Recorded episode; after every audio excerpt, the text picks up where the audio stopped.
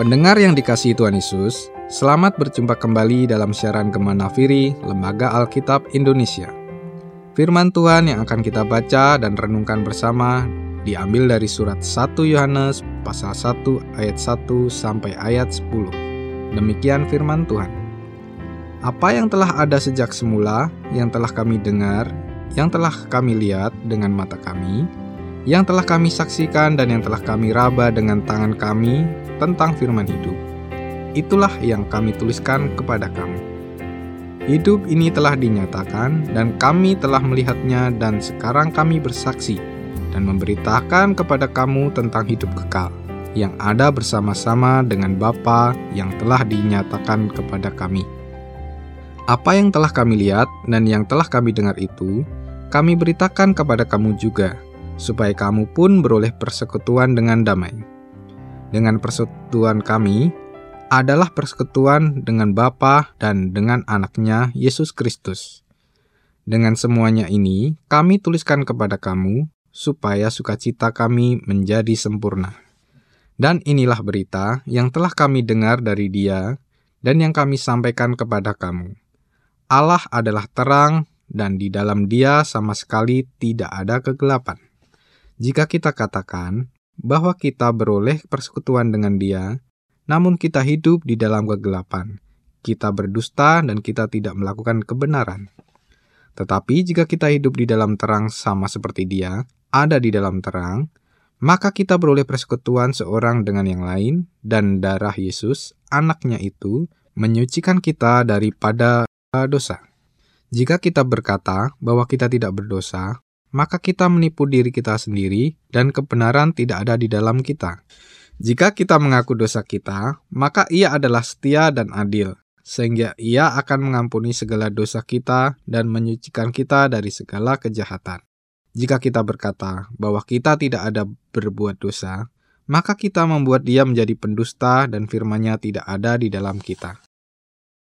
Saudara pendengar yang terkasih, Sesungguhnya kita adalah manusia berdosa, namun Kristus telah menebus kita dengan darahnya di kayu salib. Sungguh begitu besar kasih Tuhan kepada dunia ini. Untuk itu, kita patut mengucap syukur dan hidup sebagai anak-anak terang. Cara sederhana, anak-anak terang memiliki kehidupan pikiran yang tertuju pada Allah.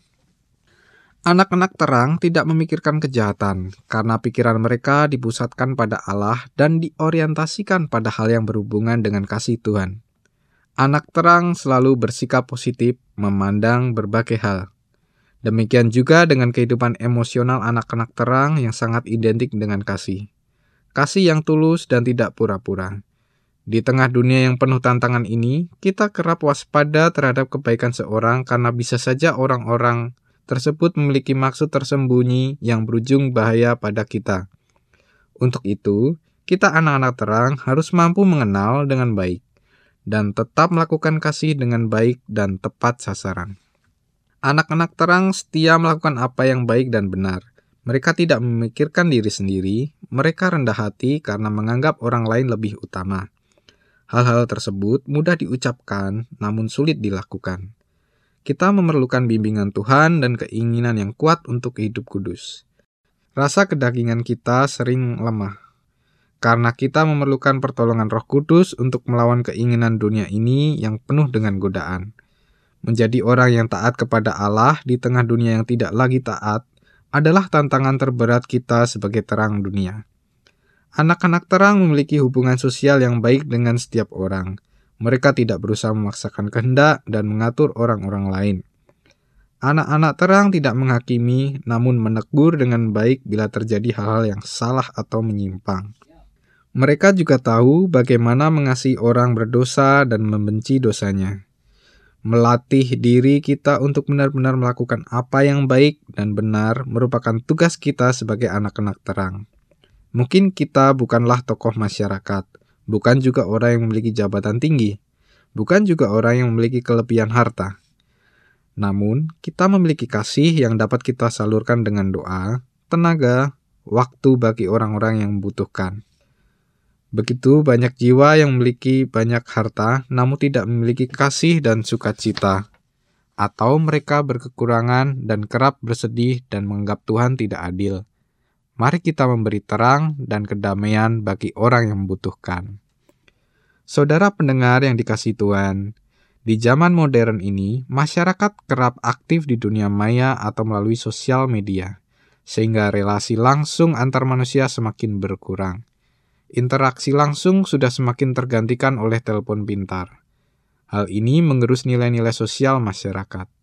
Kita tidak mengenal dekat dan akrab secara langsung keluarga, sahabat, rekan kerja, tetangga, jemaat, sehingga kita tidak mengetahui dengan jelas situasi atau pergumulan yang sedang mereka hadapi.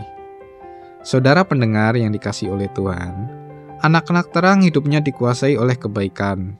Energi mereka tidak diinvestasikan untuk melakukan apa yang jahat, tetapi melakukan apa yang baik. Mereka berusaha tidak memikirkan hal-hal yang dilarang oleh Allah Kebaikan memang merupakan satu-satunya hal yang pantas dipikirkan. Anak-anak terang hidupnya ingin selalu melakukan kehendak Tuhan Yesus. Ketika Tuhan Yesus memilih murid-muridnya, mereka hanyalah orang-orang biasa. Namun dia diubah menjadi pribadi-pribadi yang luar biasa. Para murid mampu melakukan tugas panggilannya, yakni menyebarkan Injil ke segala bangsa. Demikian juga kita dipilih Tuhan sebagai duta Allah yang membawa terang damai dan memberitakan kabar keselamatan bagi banyak orang. Selamat menjadi terang dunia. Tuhan Yesus memberkati kita semua. Amin.